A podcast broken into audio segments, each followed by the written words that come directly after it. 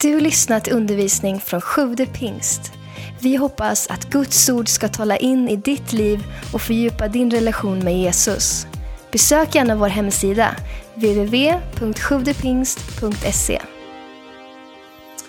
Man måste ha fart när man leder eller när man styr någonting. När man manövrerar måste man ha fart. Ni vet att vi brukar prata om styrfart. Det är logiskt, eller hur? Utan styrfart är det omöjligt att manövrera. Till exempel om jag sitter i en båt och jag inte kan styra. Då driver jag på grund eller så driver jag ut till havs. Men jag driver. Om jag sitter på en cykel och inte har styrfart, då tappar jag balansen. Då går jag i backen, det vet vi. Om man är en efterföljare till Jesus, men inte får gå, då slocknar man till slut. Man sätter sig ner, vi blir bekväma, vi blir desillusionerade och så börjar vi bygga ett hus på det stället där vi bara förväntades att kampa för en tid. Alltså det är naturligt att vi hela tiden är i rörelse. Den är livsviktig för oss. Och rörelsen den gör något med oss. Pingströrelsen till exempel, som du och jag är en del av, den kan inte stå still. Den har aldrig stått still. Det är emot våran natur. Om vi lägger fokus kanske på vad vi är som efterföljare till Jesus och sekundärt så pratar vi om hur vi ska komma framåt. Då tror jag en församling kan föra ett konstruktivt samtal om vägen framåt på ett mycket bättre sätt. Det andra måste lösa sig, men svara på de här frågorna. Vart är vi på väg någonstans? Vad är vårt uppdrag? Det andra, det är sekundärt, det ska bara göras. Och jag vill säga något väldigt, väldigt kort om rörelse och friktion och resultat. Ni som var på pingstledarutveckling har kanske hört det här förut. Alltså när jag fjällvandrar, vilket jag älskar att göra, finns inget bättre än att slåss med myggen. Då är jag tvungen att röra på mig.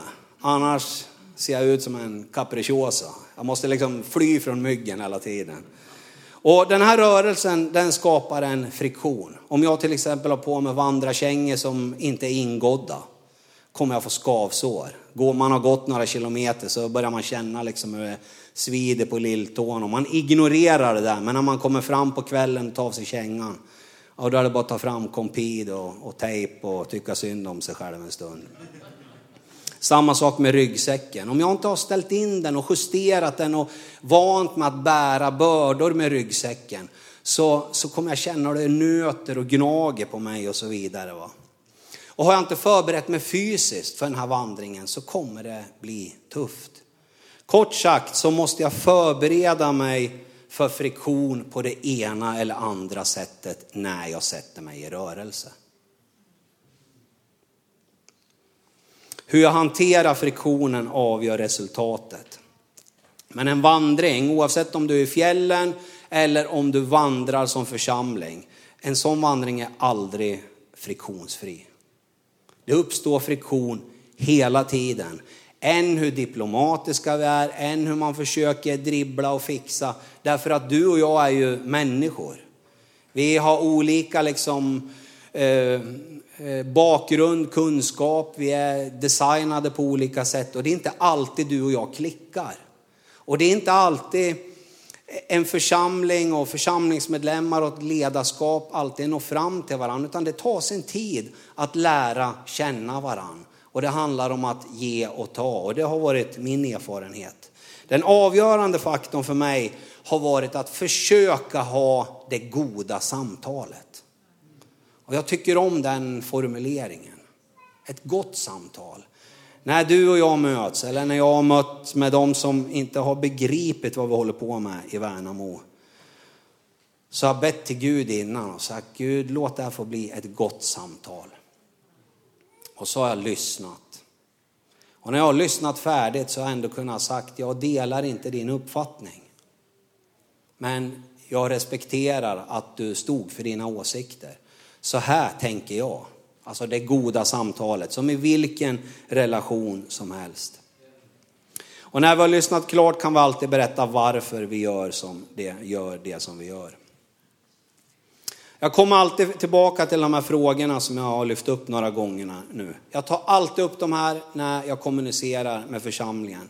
Vad är vårt uppdrag och var är församlingen på väg? Nu efter fem år så ser inte församlingen i Värnamo ut som den gjorde för fem år sedan. Det tror jag inte den gör här i Skövde heller. Och eh, för min egen del så har jag blandade känslor för det. Jag är jätteglad över alla nya människor som har kommit till i, i Värnamo. Jag är så glad för det och jag är stolt för jag tycker församlingen har verkligen öppnat sina dörrar och liksom välkomnat människor i gemenskapen. Men det finns också en sorg hos mig över de som kände att det här, det här är för jobbigt att ställa om till. Det här trivs inte jag med. Eh, jag söker mig till en annan gemenskap. Kanske kan ni känna igen det, jag vet inte. Det som var jobbigast för mig, det var nog att så många erfarna ledare lämnade. De sa att det här kan inte jag vara med på, det här förstår inte jag. Eh, det här får ni ta. Och så klev de av. Och det var inte jag beredd på när jag klev in som föreståndare. vet, när jag sa ja till den här tjänsten, då var jag livrädd. Jag var dödsförskräckt. Jag tänkte, om de bara visste vem jag är. Jag är en vanlig människa. Jag gillar att fiska och kolla på hockey. Vet de vad de gör liksom? Ni vet det där mänskliga, som så många har, har, ställt sig den där frågan genom tiderna. Vem är jag och har den här uppgiften liksom? Och jag behövde de här erfarna gamla ledarna. Jag var beroende av dem. De stämplade ut. Och det kändes lite som, kommer ni ihåg den här stormen Gudrun som var? Det kändes som att bara, det var helt sönderslaget och jag stod där med några yngre församlingsledare. Det var som en sån här ung skog som skulle växa upp och jag visste att det här kommer ta 10-20 år innan vi är ett starkt ledarskap igen. Alltså det, den delen önskar jag att vi hade sluppit. Jag saknar dem varenda dag. De har den gamla församlingens förtroende. De, de har varit med liksom. Det finns mycket visdom där. Men det blev så. Och idag får vi titta framåt. Eh, min konklusion från de här fem åren är att vi hade aldrig varit där vi är idag om vi inte hade vågat bryta upp. Det fanns liksom inget alternativ. Antingen sitta ner och bara hoppas att det blir bättre imorgon eller lägga i en växel och köra. Och det tror jag fortfarande var det enda rätta att göra.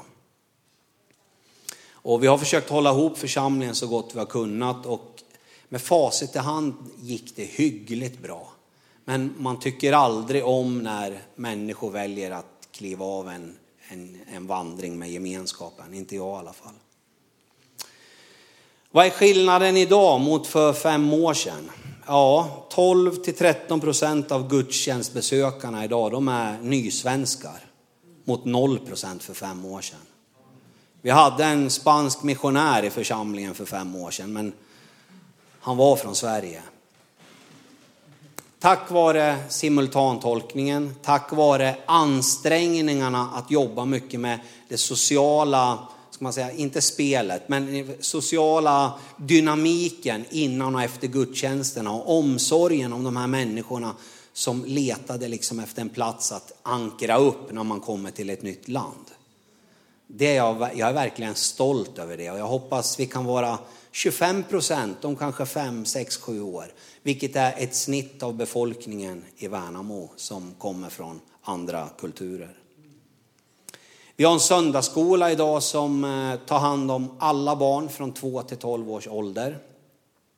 Och eh, parallellt med det så har vi en söndagsskoledel som betjänar barn och familjer med särskilda behov. Eh, då pratar jag om olika typer av eh, ja, eh, handikapp. Man kan, man kan ha svårt att koncentrera sig. Ni vet det finns alla de här bokstavskombinationerna som jag inte kan uttala. Men det finns många handikapp som gör att en del familjer drar sig för att gå till kyrkan. Eh, därför att man vet att alla tycker att deras barn är besvärliga. Och ja, Det är helt fantastiskt. Får ni chansen att eh, jobba tillsammans med Champions Club som är ett ministry från Lakewood Church i Texas. Det upplägget är helt underbart. Vi startade för ett par år sedan med förarbetet och idag så har vi ungefär fem familjer som kommer dit. Och nu kan de gå på gudstjänst tack vare att vi anstränger oss. Och det, det kan man sammanfatta allting vi som församling gör när vi betjänar människor. Det är att du och jag, vi behöver anstränga oss. Det ramlar inte ner från himlen bara, utan Gud han säger gå. Och när vi går och när vi anstränger oss, när vi ger av oss själva, när vi är utgivande precis som Jesus, då börjar det hända saker.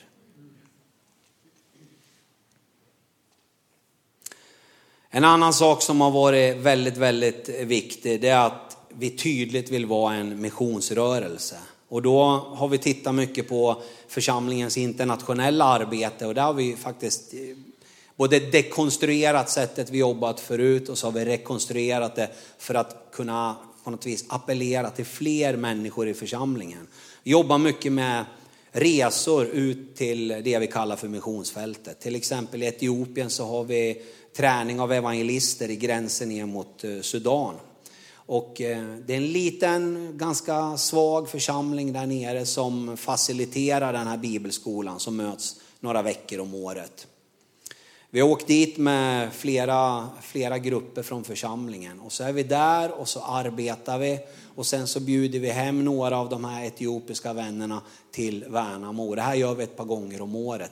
För att skapa ett engagemang, i, åtminstone hos oss, så är min generation och neråt inte committad, tycker jag, på samma sätt till eh, missionen som den äldre generationen är. Som, som, de växte ändå upp med det här pionjärskapet på något vis. Och eh, när man hör i församlingen saker som varför ska, vi, varför ska vi gå till onådda folk på andra sidan jorden för vi har väl fullt upp med vår egen stad.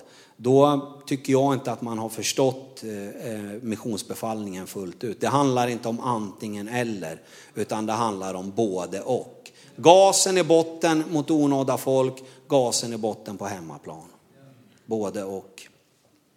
Alltså allt det här som vi pratar om den här stunden, det började med ett krismedvetande i församlingen. Vi hade en kille i kyrkan som, som började samla våra församlingsledare och så sa han så här, är vi överens om att vi blir färre och färre? Är vi överens om att vi faktiskt inte döper människor som vi gjorde för många, många år sedan? Är vi överens om att vi har tappat liksom initiativet? Är vi överens om att vi inte är pionjärer längre?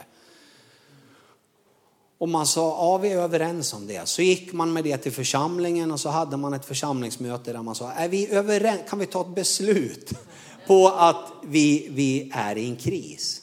Och man tog faktiskt ett beslut på det. Man formulerade målsättningen och det kan ju låta lite nördigt att man måste ta ett beslut för det.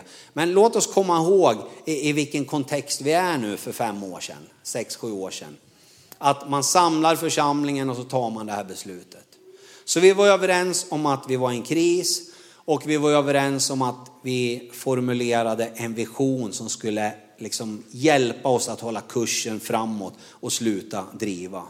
Och utifrån det så har jag listat nio saker i punktform som är mina erfarenheter om vad som är viktigt när en församling väljer att bryta upp. När var det jag skulle sluta nu igen? Tre har ni fika. Och det är ju snart ju. Då ska jag lägga in växel här. Det, ja, tre. Är det säkert? Okej. Okay. Nummer ett. Konfrontera verkligheten. Det är ju inte så konstigt. Att konfrontera verkligheten. Om, oavsett vad man tycker om förändringar och hur man gör en förändring Oavsett om du är gammal eller ung. Visst är det viktigt att konfrontera verkligheten. Om jag har 10 000 och jag har räkningar för 11 000, då är det inte bra. Det kan vi vara överens om. Alltså det är så i hela livet, vi måste konfrontera verkligheten. Och det gjorde vi. Vi tittade på hur ser det egentligen ut? Alltså om församlingens uppdrag är att göra lärjungar och hela tiden vandra vidare. Hur går det för oss på det området? Och så kom vi fram till att, alltså som ni är lite yngre säger, alltså det sög. Det var, alltså, det var inte bra, det var allvarligt liksom. Vi svarade på de här frågorna, växer församlingsgemenskapen? Nej, det gör den inte. Blir människor frälsta? Nej, inte ofta. Döper vi människor? Nej. Summan av det här, betyder det att det här är inte som det var tänkt? Ja, det stämmer. Okej, okay, då är vi överens om någonting, eller hur? Oavsett vad vi liksom tycker om förändring. Vi är överens om att verkligheten ser allvarlig ut. Det andra som vi bestämde oss för, det var att få green light av församlingen. Om vi nu är överens om att läget är allvarligt, då måste vi få grönt ljus om att vi måste få åtgärda det på något sätt. Att få ett amen och några halleluja ett församlingsmöte, det är aldrig fel. Men när man har antagit en vision och man sen börjar göra saker på riktigt, alltså när det inte är baserat på känslor längre, då blir det helt annat ljud i skällan. Jag kommer ihåg en predikantvecka när jag var helt ny. Jag tror det var första året jag var här i Skövde. Vi åkte upp till Stockholm och så var det en dansk eh, evangelist som hette Kristensen tror jag. Och eh, han eldade upp predikanterna där och så sa han, ska vi ha planterat 500 nya församlingar i Sverige om 10 år eller något sånt där. Och alla bara, amen, halleluja liksom. Eh, ja, det var ju härligt va. Sen så startade Sven Almqvist och, och eh, de andra Karismacenter. Och jag kommer ihåg hur laddat det var på predikantveckan. Det här är pingsthistoria för er som inte fanns med på den tiden. Men det säger lite om ibland hur vi emotionellt kan gå igång på saker. Men sen när vi ska göra sakerna, få ner kraften i backen, då blir det helt plötsligt mycket mer besvärligt. Så amen och halleluja ett församlingsmöte, det är bra för då kan vi ta ett beslut. Men sen kör man. Då hade vi det liksom i ryggen. Va? Vi kunde referera till att vi har sagt okej okay till att göra något åt saken. Vi har sagt okej okay till att vi vill inte ha det så här. Vi måste komma vidare. Hur det kan man ju diskutera i all evighet sen, men det ligger, tycker vi, ytterst på ledarskapet. Det tredje som vi gjorde när vi väl hade fått grönt ljus, det var att ringa in det som vi kunde göra bättre. Kan vi bjuda in fler människor till Alfa? Det kom ju bara en förra terminen. Terminen innan var det fem, så troligen var det något vi gjorde dåligt när det kom färre året efter. Alltså vad kan vi göra bättre? Kan vi presentera Jesus bättre på gudstjänsten? Vi älskar våra evangelister och predikanter och sångare och musiker och mötesvärdar. Men finns det någonting vi kan göra bättre? Så att liksom det når fram. Vi har ju världens bästa budskap, men frågan är, kan vi förmedla det? Kan vi jobba med språket eller kan vi berätta för staden att vi finns och att vi har goda nyheter och så vidare. Det fjärde, det var att vi etablerar en realistisk process. Vi vet att det är tufft, men vi har fått grönt ljus att förändra det. Vi har hittat saker vi kan jobba med. Nu etablerar vi en realistisk process. Därför att det inte är realistiskt att tro att allt går att göra någonting åt på en gång. Trycker man på för hårt så, så, så kan man liksom spräcka det som man är ansvarig för. Jag tror att vi kan gasa på tillsammans med lite finess och med lite feeling. Jag tror det. Men det krävs eh, lite finess och lite feeling. Jag tror att det är en artform. Jag tror att vi är beroende av Guds timing. Och där behöver varje församling be för det ledarskapet man har gett förtroendet jag tror och hoppas att ni ber för Sven och församlingsledningen här, att, att de får gasa på med finess och feeling. Det hoppas jag att de ber för mig också i Värnamo. Det är viktigt, men vi måste gasa på. Det måste vi göra. Etablera en realistisk process så att ni kan hantera friktionen. För det är det som är själva grejen. Nummer fem är att betjäna människor. Det finns hur många bra sätt som helst att betjäna människor på. Man kan ha en motorcykelklubb, man kan eh, eh, åka hem och städa hos människor, man kan köra folk till kyrkan, man kan hjälpa människor med läxläsning. Alla nysvenskar som kommer som inte kan köra körkort. Ni finns tio stycken här inne som imorgon kan börja hjälpa vännerna som kommer från andra länder att ta körkort. Sätt igång bara, sätt en lista här ute så skriver ni upp er. Alltså det finns det inga brister på vad vi kan göra. Men vi måste betjäna människor, alltså vi måste anstränga oss. Därför Jesus han säger ju gå ut till alla människor. Den roligaste grejen som eh, vi fick igång i Värnamo, det är någonting vi har fortfarande. Det är det bästa som har hänt. Det heter Välkommen hem. Och Välkommen hem betyder att där sitter Conny och Margaret. Conny och Margaret de får uppdraget att nästa månad skulle ni kunna öppna ert hem en dag. Ja, men jag har mycket att göra på måndag, tisdag, onsdag. Ja, men hur ser det ut på torsdag? Ja, torsdag, fast lördag lunch skulle vara bäst. Okej, okay. kan du öppna ditt hem från klockan 11 till klockan 2? Ja, det går bra. Tror du att ni kan fixa lite mat? Ja, till hur många då? 25 stycken? Ja, ja, sa Margaret. Ja. Men en del säger så här, nej det kan jag inte, men om jag får hjälp av två familjer till, då kan jag fixa det. Och sen så ordnar eh, Sven och, eh, och några andra här i kyrkan 20 personer som kommer hem till Conny. Och den gruppen ska vara mixad. Några av våra eh, eh, vänner som har flyttat till Sverige, några av de som finns med i församlingen, några kanske från eh, Eh, LP-arbetet och så vidare. Och där så jobbar ledarna med att skapa en härlig dynamik. Därför att när de kommer till kyrkan på söndag så känner de några av er. Ni vet, ni är ju idésprutor här i Skövde och entreprenörer allihopa. Idéer är det ingen brist på. Det som är utmaningen det är att få ut tummen på ren svenska. Det är väldigt, väldigt viktigt. Nummer sex är att hitta nyckelpersonerna och det ska jag inte säga så mycket om mer än att ni vet allihopa att informella ledare finns det överallt. Om man kan vara noga med att berätta för informella ledare varför vi försöker göra det här, så är väldigt, väldigt mycket vunnet. Så att så, så på lördag kväll när halva församlingen sitter och äter middag med varandra ute i stan här, så sitter några familjer och så säger de, ah, vi begriper oss inte på vad som händer i församlingen. Men så sitter den informella ledaren där som har träffat någon i ledarskapet och säger, jag förstår att det här är besvärligt, men det här måste vi göra. Det är bara ett tips till er som är ledare i församlingen.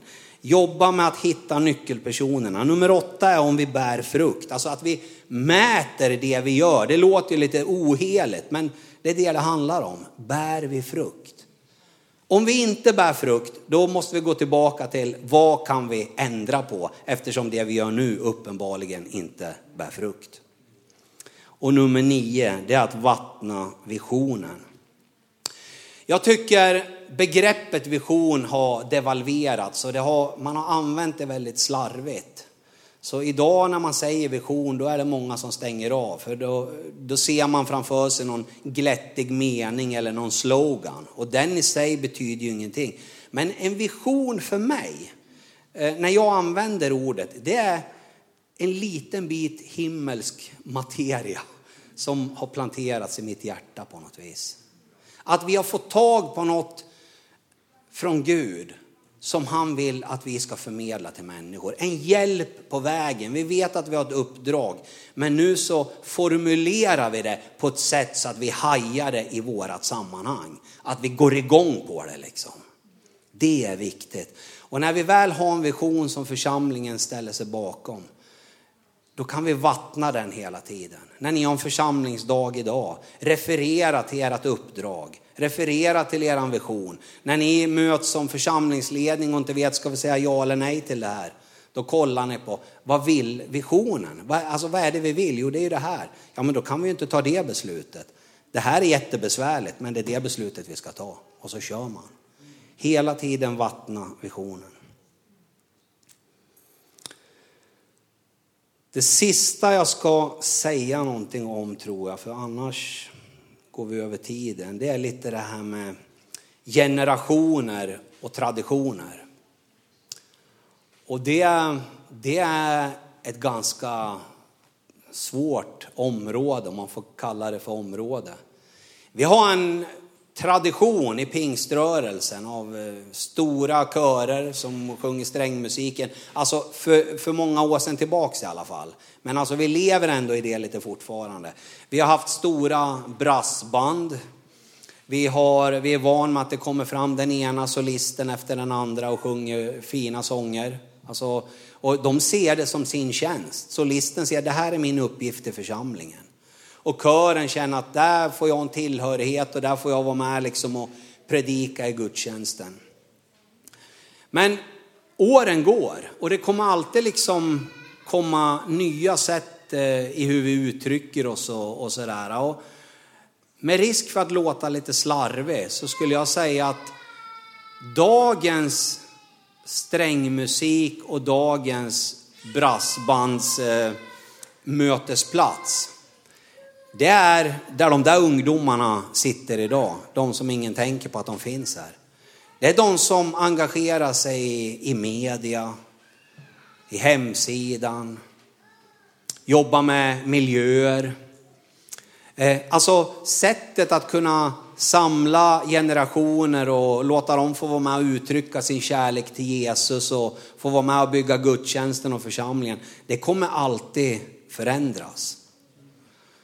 Och eh, hos oss blev det tyvärr så att när, när brasset fick börja eh, ha två stycken i gudstjänsterna, då, då tyckte de att nej, men då är det ingen idé vi spelar. Och jag sa, ni är en del av församlingen, det är klart ni ska spela. Ni får spela hur mycket ni vill, men ni får spela två stycken.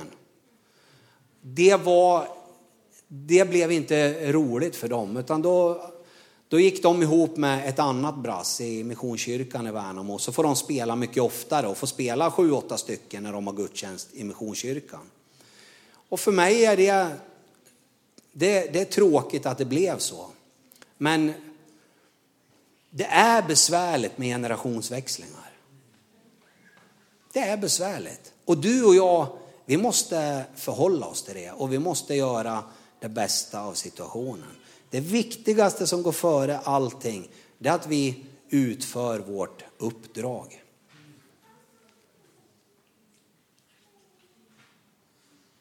står så här i Uppenbarelseboken 7 och 9. Det är alltså egentligen den visionen som, som eh, vi har fått, fått till oss.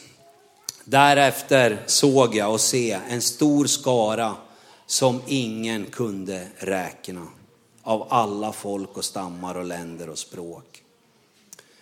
Det får aldrig bli så att vi, vi får det knöligt och besvärligt i församlingen på grund av att vi är trygga i olika traditioner och olika uttryckssätt. Det kommer alltid vara ett spänningsfält som vi måste hantera. Det är inget som är bara just nu, utan så har det alltid varit. Det är min uppfattning. Utan vi måste fokusera oss på uppdraget. Det går före allt. Jag hinner med en grej till om jag har tre minuter kvar om klockan stämmer. Det är att vi tog in en medhjälpare eller en medvandrare för snart två år sedan. Eh, som jag hade berättat då, det var svårt. Jag kände, mig, jag kände att jag misslyckades i mitt ledarskap hela tiden. En grupp var jätteglad och en var helt förtvivlad. Och man vill ju att alla ska vara tillfreds liksom. Men man får ju inte alltid till det. Så hörde jag talas om en församling som hade gjort en, en väldigt eh, ja, spännande resa som församling, men som hade varit smärtsam och tuff. Och jag började besöka den här kyrkan vid ett par tillfällen och den kyrkan heter Life Church och ligger i norra England i en industriort. Och eh, där så fick jag kontakt med en man som heter Steven Matthews. En mjuk, fin broder får man väl säga. Ni har haft Rickard Svensson här va? Det är också en mjuk, fin broder. Duktig på det de gör liksom. Och Steven, han, eh, han lyssnade när jag berättade min berättelse och han sa Eh, du kan ringa när du vill och prata med mig. Och jag började kontakta honom och det slutade med att han idag är hela församlingens medvandrare. Så han kommer till oss en till två gånger varje termin. Och så jobbar han med våran friktion på många olika områden. Och så är det så skönt att säga, då säger han, så här gjorde vi. Så här hanterade vi den situationen. Och ibland säger han det där som är så jobbigt. Ja, det är jobbigt. Bite the bullet, säger han. Ibland är det bara besvärligt. Du får bara ta det. Får gå ut och fiska och koppla av, men det är bara att hålla fast vid det som ni har bestämt. Och det är väldigt skönt ibland att ha en medvandrare som har gått den resan själv. Det är det som ni som är yngre, ni behöver en medvandrare som har gjort resan, som kan hjälpa er att ta bra beslut. Och vi som är medelålders, jag får faktiskt titulera mig det nu för tiden. Vi som är medelålders, vi behöver också medvandrare. Vi behöver få, få liksom lyssna till män och kvinnor som har gått längre än oss. Ibland när man känner sig ensam i ledarskapet. Det är väldigt lätt att projicera åsikter och tyckanden på det yttersta ledarskapet. I en pingsförsamling är det lätt att projicera det på föreståndaren. Det, det vet jag och det tror jag Sven håller med om. Men glöm inte bort att alla är ledare. Du är en ledare. Och det är superlätt att ha åsikter om Sven eller någon annan här. Och i Värnamo är det jättelätt att ha åsikter om mig. Men alla har ett ansvar. Du som en del av den här gemenskapen, du kan, du kan tala om församlingen på ett sätt så att du bygger gemenskapen. Du behöver inte hålla med om allt, det gör man inte. Men bygg så gott du nu kan på din plats där du är. Ni som är gamla och varit med länge och, och kan mycket, Gud välsigne er. Alltså bidra med det som ni har med er in i församlingen. Och ni som är medelålders och både känner de yngre och de äldre, se till att vara balansspelare som i fotbollen. Se till så att laget sitter ihop. Och ni som är yngre, kör så det ryker, rakt av utan bedövning. Men hedra de som är äldre och respektera ert ledarskap. Tack. Tack för att du lyssnat. Glöm inte att du alltid är välkommen till vår kyrka. Du hittar mer info på www.sjuvdepingst.se